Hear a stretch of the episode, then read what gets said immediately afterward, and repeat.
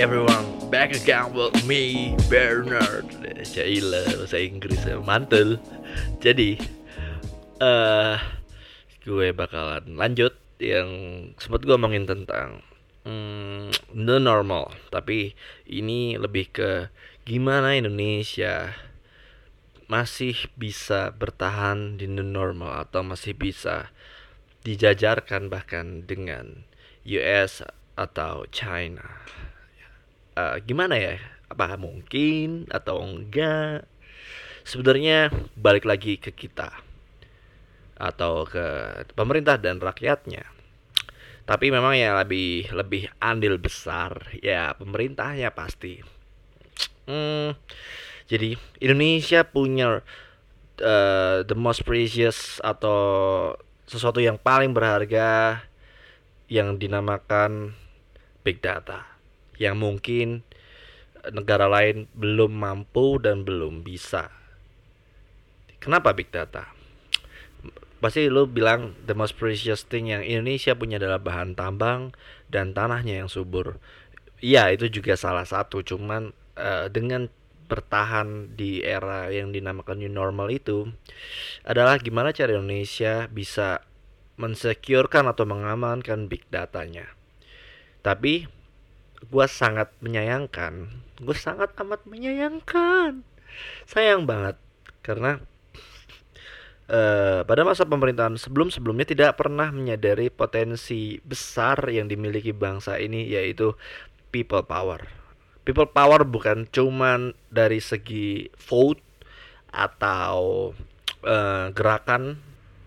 Lebih ke gimana people power kita yang berbentuk data itu mengendalikan dunia ini. How come? Gimana bisa? Jadi, gue bahas tentang teknologi dari luar dulu ya, yaitu Google dan apalagi misal Facebook uh, dan apa ya Cina yang dibuat uh, Zoom misal. Mereka cuman menangkap data yang sebagian besar kita nggak punya contoh Facebook atau Google Google mungkin punya data lokasi kita, data uh, Maps Indonesia secara detail dari sampai gang sorry jalan tol yang gede banget, jalan raya yang bisa dilewati 5 mobil sekaligus, bahkan sampai dengan jalan setapak ada. Karena waktu itu gue pun pernah jadi masuk di Google Street View. Kalau lo mau cek ada ntar gue kasih tahu. Gue masuk di belakang mobil Google Street View sambil ngefoto Google Street View-nya.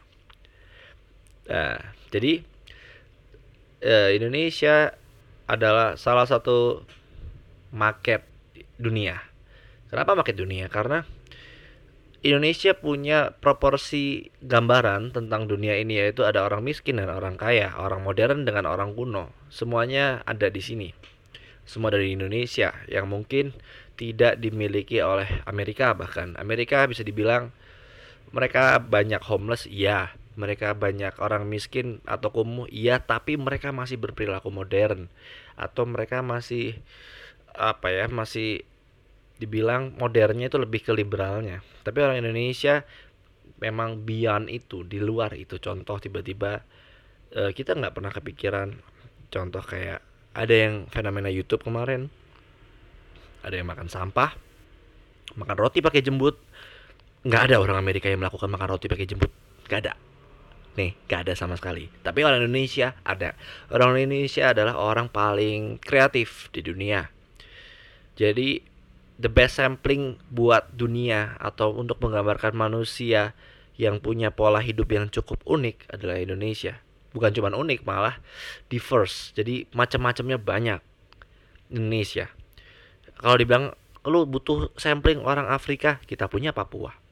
Kalau lu butuh orang modern di Amerika kita punya Jakarta. Lu minta apa lagi? Thailand kita punya Bali yang punya adat yang sangat kental. Butuh uh, negara monarki ada Yogyakarta dengan kerajaannya.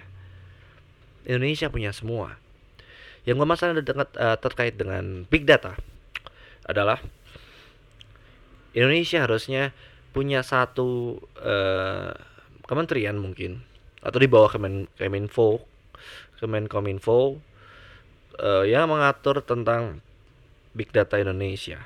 Karena habit atau perilaku kita itu penting. Karena gini Google mungkin ataupun Facebook mungkin bisa mengcapture pola sosial kita. Tapi mereka tidak bisa mengambil result dari itu. Jadi ini eh, tentang big data adalah sebuah pattern atau eh sorry gue jelasin dulu ya tentang big data. Big data itu pengertiannya adalah sekumpulan data yang sangat banyak yang sangat amat banyak dan kompleks yang bisa dipelajari sehingga menjadi suatu tren atau pola yang menguntungkan. Nggak cuman yang menguntungkan bahkan ada yang untuk mencegah hal-hal yang buruk terjadi. Itu Indonesia punya logika.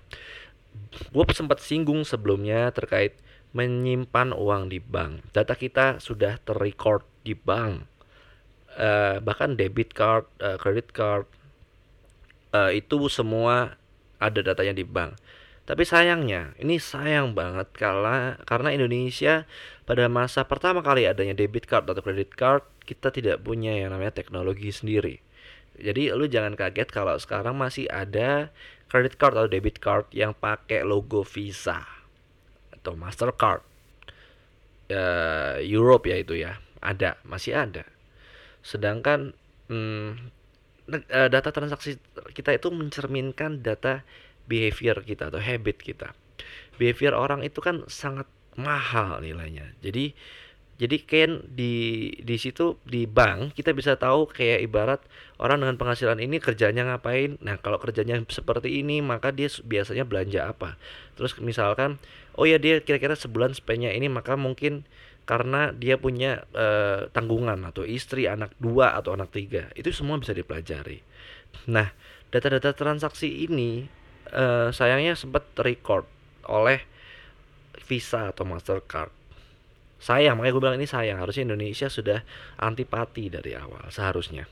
Nah, kemudian, tapi uh, terkait dengan debit atau master atau visa itu tadi, data-data itu belum lengkap sayangnya. Jadi mereka cuma mengcapture orang yang mid high kelasnya. Jadi menengah ke atas. Seharusnya mereka butuh semua data bahkan sampai dengan yang low bahkan uh, yang marginal. Gua sayangkan sekali lagi. Maksudnya ini adalah data penting kita sebagai Indonesia. Uh, yang gue sayangin adalah um, tiba-tiba masuk startup yang hijau ada depannya Go yaitu uh, OA itulah gue nggak mau sebut itu sebenarnya cukup berbahaya. Kenapa? Karena itu mengcapture transaksi kecil yang tidak bisa di cover bahkan sama credit card atau debit card. Transaksi dengan behavior berbeda juga. Maksudnya debit atau credit card itu sering kali dilakukan transaksi jumlah besar dan on the spot. Memang ada yang melakukan transaksi online tapi jarang. Tapi ketika sudah ada e-wallet yang di mana data-datanya semua disimpan oleh beberapa perusahaan besar. Makanya ketika ada link aja mungkin itu ada harapan tapi mungkin link aja tidak mampu uh, menyaingi yang sudah existing. Jadi uh, startup startup e-wallet tadi adalah startup startup yang disuntik sama luar negeri melalui beberapa venture capital di mana data-data itu mengcapture lu transaksi dari sini ke sana misalkan naik Gojek. Ah sebut sorry. Intinya uh, itu udah ke record oh sekian. Dan lu terbiasa kapan memakai uh, e-wallet kapan memakai cash. Bahkan cash ke record nih listen to me.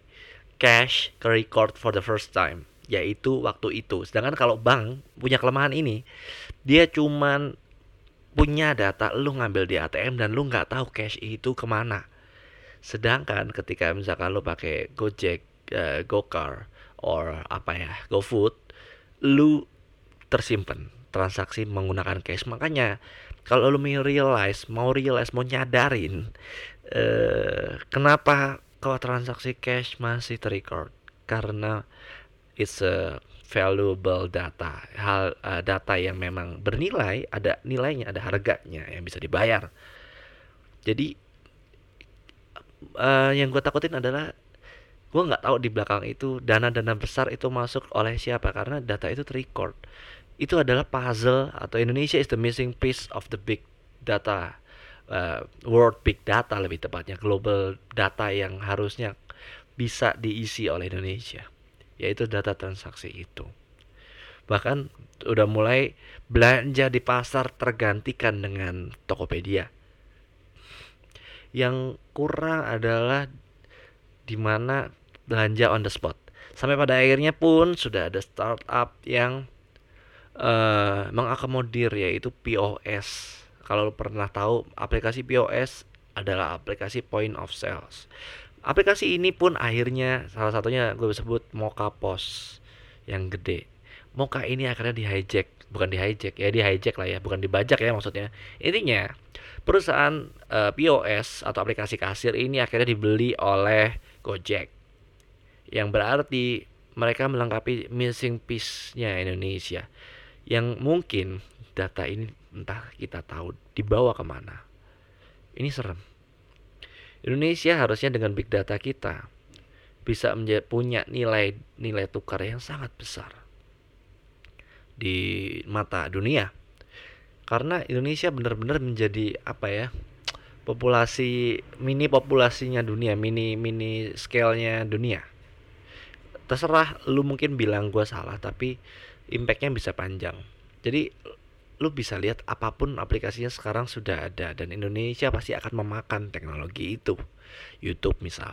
YouTube adalah ten tentang kategori atau genre di mana orang misalkan ini ini ini si Google itu kan punya YouTube ya. Google itu belum punya nih data transaksi kita secara menyeluruh meskipun dia ada Google Pay Google Pay itu kan tujuannya untuk melengkapi missing piece itu yang gue takutkan adalah data-data tadi yang gue bilang itu masuk ke Google ibaratnya kita akan jadi orang-orang kayak di Cina yang tidak punya kreativitas berlebih atau nggak punya hmm, apa ya kita nggak punya power buat mengendalikan hidup kita lagi karena kita sudah terbiasa dituntun pada suatu hal. Tidak, tidak terbiasa untuk menginisiasi semuanya sendiri sekarang.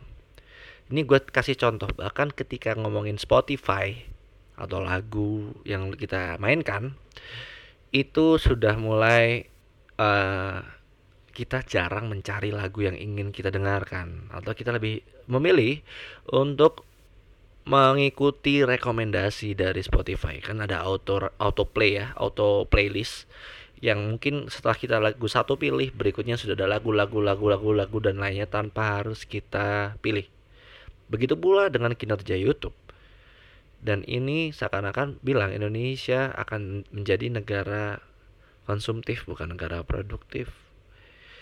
Karena gini sempat ada masalah di ah, lupa gue 2000 berapa cuman uh, founder dari Bukalapak teriak kalau sebel dengan pemerintah yang cuma mengalokasikan dana sedikit untuk yang namanya revolusi industri 4.0 dia gue tahu keresahannya tapi di sisi lain dia juga uh, apa ya seakan-akan di pub uh, di publik itu dia tidak mensyukuri eranya sekarang atau era zaman Pak Jokowi. Pak Jokowi bukan Jokowi Jokowi.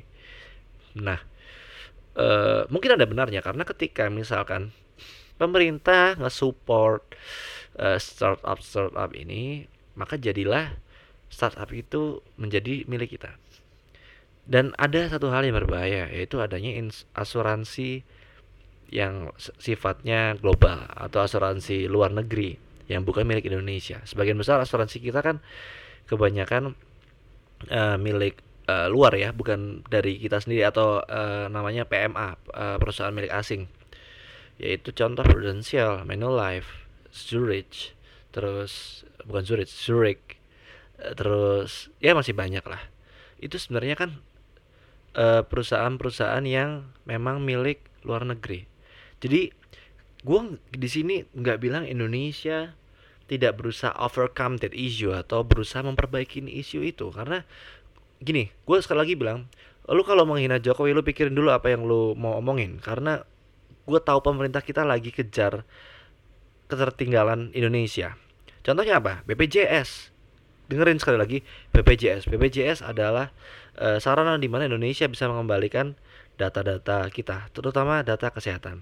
Karena ini sudah masuk di sektor medis atau biologis. Biologis manusia ketika uh, diambil oleh orang yang tidak bertanggung jawab ketika mereka punya semua data tentang kebiasaan kita, itu bahaya. Mungkin bisa jadi uh, data-data itu digunakan untuk menggunakan sebuah bioweapon dan terjadilah bioterrorism yang gue bilang sebelumnya.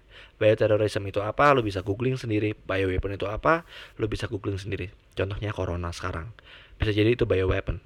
Bukan cuman sekedar virus yang uh, come from nowhere dan Indonesia uh, get the disease dapat penyakit itu dan kita menderita krisis separah sekarang.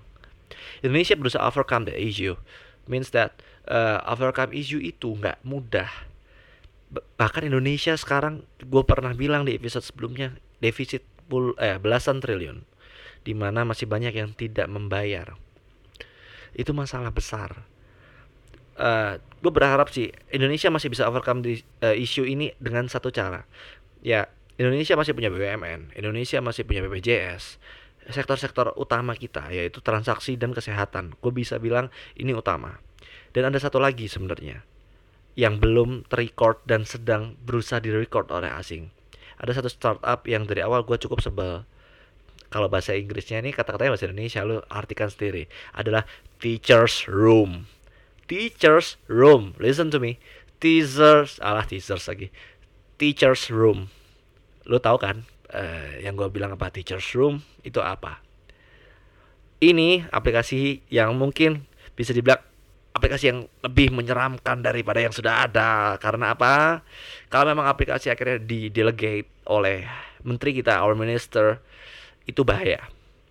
Kenapa? Jadi uh, asing atau siapa pun itu di elit global bisa melihat data perkembangan kita dari kecil sampai gede. Dari SD sampai SMA sampai kuliah sampai lulus. Dengan semua prestasi kita semua perkembangan mental kita semua terrecord di situ. Apalagi ini gue takut. Nadiem menghapuskan UN sebenarnya memang membahagiakan menurut mereka. Uh, tapi ada masalahnya. Bukan berarti menghapus UN itu bukan masalah. Bukan masalahnya bukan kayak yang dulu-dulu iri, bukan, bukan. Gua nggak iri kalian dapat uh, privilege lebih enak tidak ikut UN. Nggak ada, nggak ada masalah sama itu. Uh, jadi yang masalah adalah ketika misalkan uji uh, apa sih uji kompetensi atau uji apalah itu namanya yang lebih uh, kognitif lebih ngetes kognitifnya orang itu disistemkan melalui startup terkait yang gue bilang teachers room. Makanya teachers room akan dapat pendanaan terus-terusan. Nah ini serem serem asli serem karena dia tahu fase kita sebagai manusia. Mungkin bisa jadi kalau ini sorry ya gue bakal ngomong ini sorry banget sorry gue bakalan ngomong ini mungkin saat itu uh, ketika orang nggak sekolah adalah pilihan bagus. Ya gak tahu ya.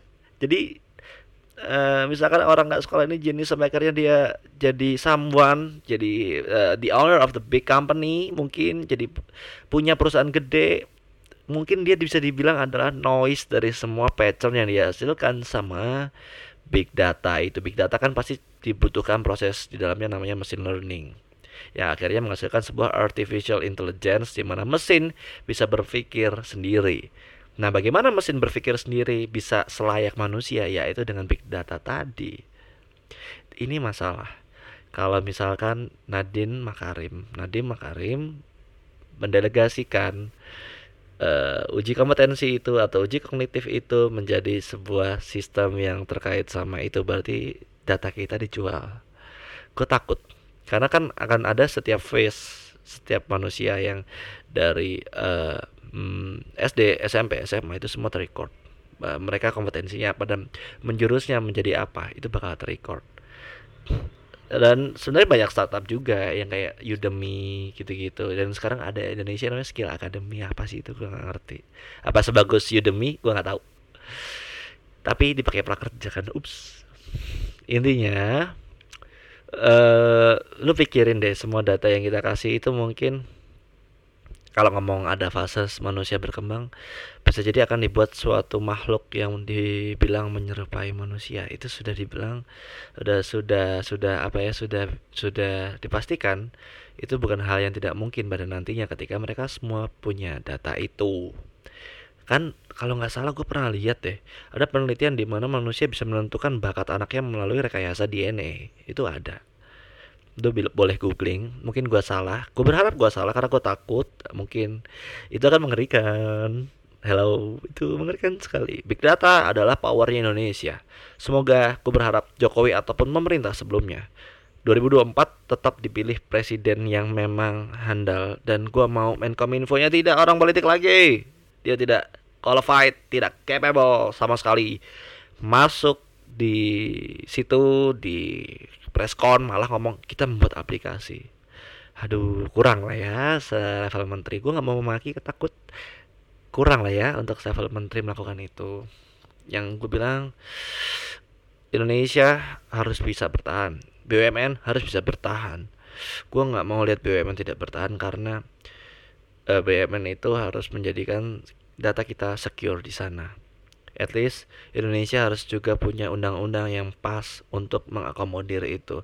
Gue setuju lihat Bu Sri Mulyani sebel sama Netflix kalau Netflix ngambil data kita. Big data Indonesia adalah hal berharga yang kita punya.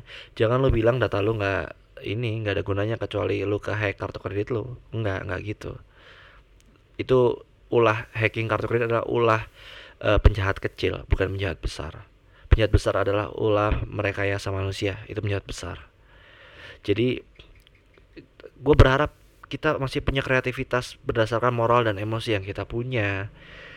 Tanpa ya ini gini gini krisis ini kan sebenarnya kita dipaksa deket gadget yang itu yang di mana itu sangat berbahaya. Jadi semua data kita terrecord dari jam 1 pagi sampai jam 24.00 jam 1.00 sampai 24.00 itu kan berarti data kita dari bangun pagi sampai dengan tidur malam itu semua terrecord. Jam tidur kita pun terrecord.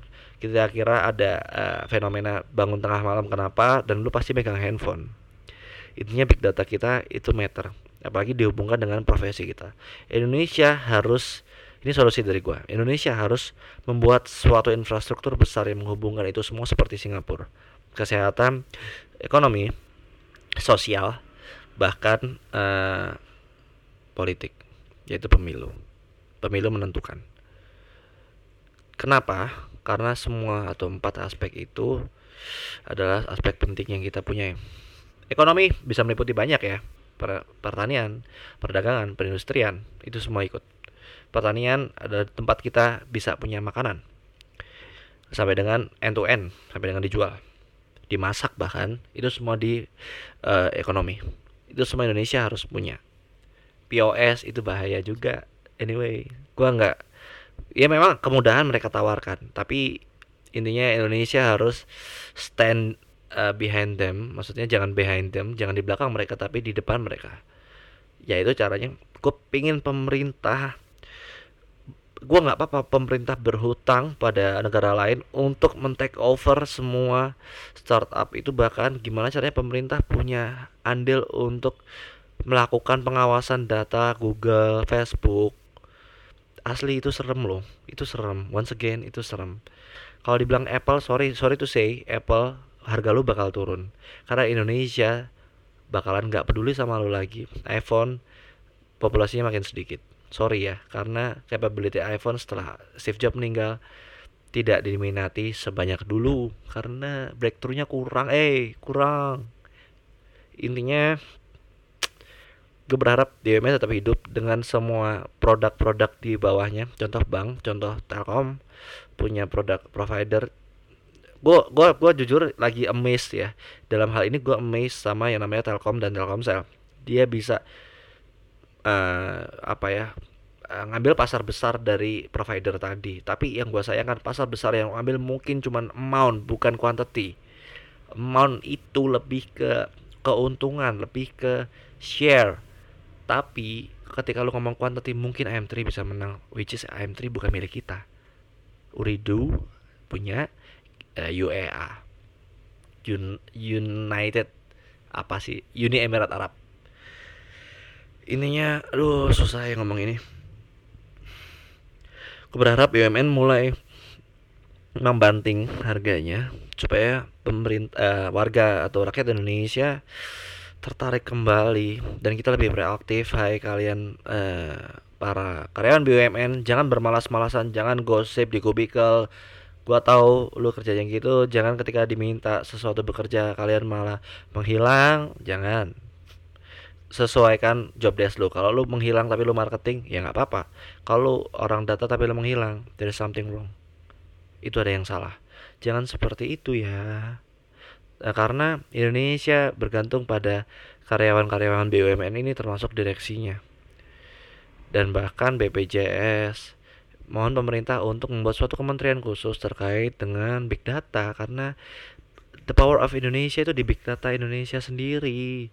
Kalau Indonesia tidak bisa mensinkroniskan itu menghubungkan semua itu mensinergikan semua itu itu kan bahaya karena kita akan dipecah belah bangsa lain uh, ya itu mulai dari tadi gue bilang ekonomi politik uh, bahkan uh, sosial itu semua harus disatukan kesehatan itu disatukan kenapa pendidikan sorry lupa pendidikan itu disatukan karena dengan itu Indonesia kuat dan Indonesia bisa mengcreate sendiri pasarnya seperti di mana? Di Cina. Cina udah segede itu karena dia melakukan itu. Dia tetap melakukan impor tapi dia membatasi. Seperti contoh produknya bisa bersaing dengan uh, iPhone, makanya iPhone di sana nggak laku, itu fakta. Sedangkan di Indonesia Samsung dan iPhone tidak punya saingan produk dalam negeri. Itu bahaya. Laptop sempat ada tapi sudah hilang tidak bisa bersaing dengan Asus MacBook Lenovo nggak bisa Indonesia harus overtake itu semua harus mengambil alih itu semua harus dan buatlah kementerian itu dan buatlah uh, dana-dana revolusi industri itu lebih besar daripada uh, dana yang lain. Berhutanglah sebanyak-banyaknya Indonesia demi menyelamatkan negeri ini. Berhutanglah sebanyak-banyaknya. Cetaklah uang sebanyak-banyaknya demi menyelamatkan negeri ini. Jujur, gue mendukung. Demi Indonesia maju dan ketika uh, teknologi itu semua masuk, gini ya, blockchain yang mau masuk oke, okay, tapi buatlah blockchain sendiri kita bisa orang Indonesia lebih pintar dari yang kalian bayangkan. Kita bisa buat blockchain sendiri. Yang jelas gimana caranya data kita tidak terlalu banyak diekspos oleh elit global. Elit global listen to me uh, lu nggak bakalan semudah itu ngalahin Indonesia. Gue yakin orang Indonesia yang bermartabat dan pintar masih banyak daripada yang tidak bermartabat. Dan cuman memaki orang di medsos. Masih banyak yang lebih pintar. Gue percaya dan sangat percaya. Gue jujur worry sangat worry. Ini adalah cara satu-satunya buat kita menang di new normal nanti. Mungkin Indonesia harus buat tandingan dari startup yang sudah didanain lainnya karena gue yakin ketika startup itu didanain mungkin foundernya akan pergi dan sudah tidak peduli lagi. Cuman punya sedikit saham yang di mana dia tidak punya hak bersuara yang cukup banyak yang di mana dia pun akan ikut-ikut aja apa yang venture capital sudah setujui atau sudah sepakati. Dan itu bahaya. Kita dalam bahaya. Kita dalam bahaya. Pak Jokowi pun gue yakin tahu ini. Mungkin in, eh, kalau kalau sempat ya karena Pak Jokowi juga punya yang namanya rencana untuk membuat satu baru atau satu ibu kota baru. Hut, ya dengan utang mungkin bisa mengakomodir itu hutang tapi tolong dengan perjanjian yang tidak membahayakan kita. Karena kan uh, uh, hutang atau perjanjian antara dua negara atau lebih itu pasti ada kesepakatan yang harus menguntungkan semuanya. Menguntungkan semuanya nggak apa asal jangan merugikan salah satu. Apalagi merugikan Indonesia. Gue pengen Jokowi memegang kata-katanya itu. Big data Indonesia benar-benar senjatanya Indonesia untuk menjadi negara adik kuasa bahkan bisa menggantikan Cina ataupun uh, Eropa. Atau eh sorry atau USA Cina Eropa USA semua Indonesia bisa mengalahkan itu. Karena kalau dipikir-pikir itu semua yang gue bilang bener loh. Bahkan kalau lu nyari orang Cina di sana di Indonesia juga ada anyway. Ya dong iya dong. Udah gitu aja dari gue thank you udah dengerin uh, stay safe and jangan lupa dengerin semua podcast gue episode episode gue dari episode 1 semoga bermanfaat and bye bye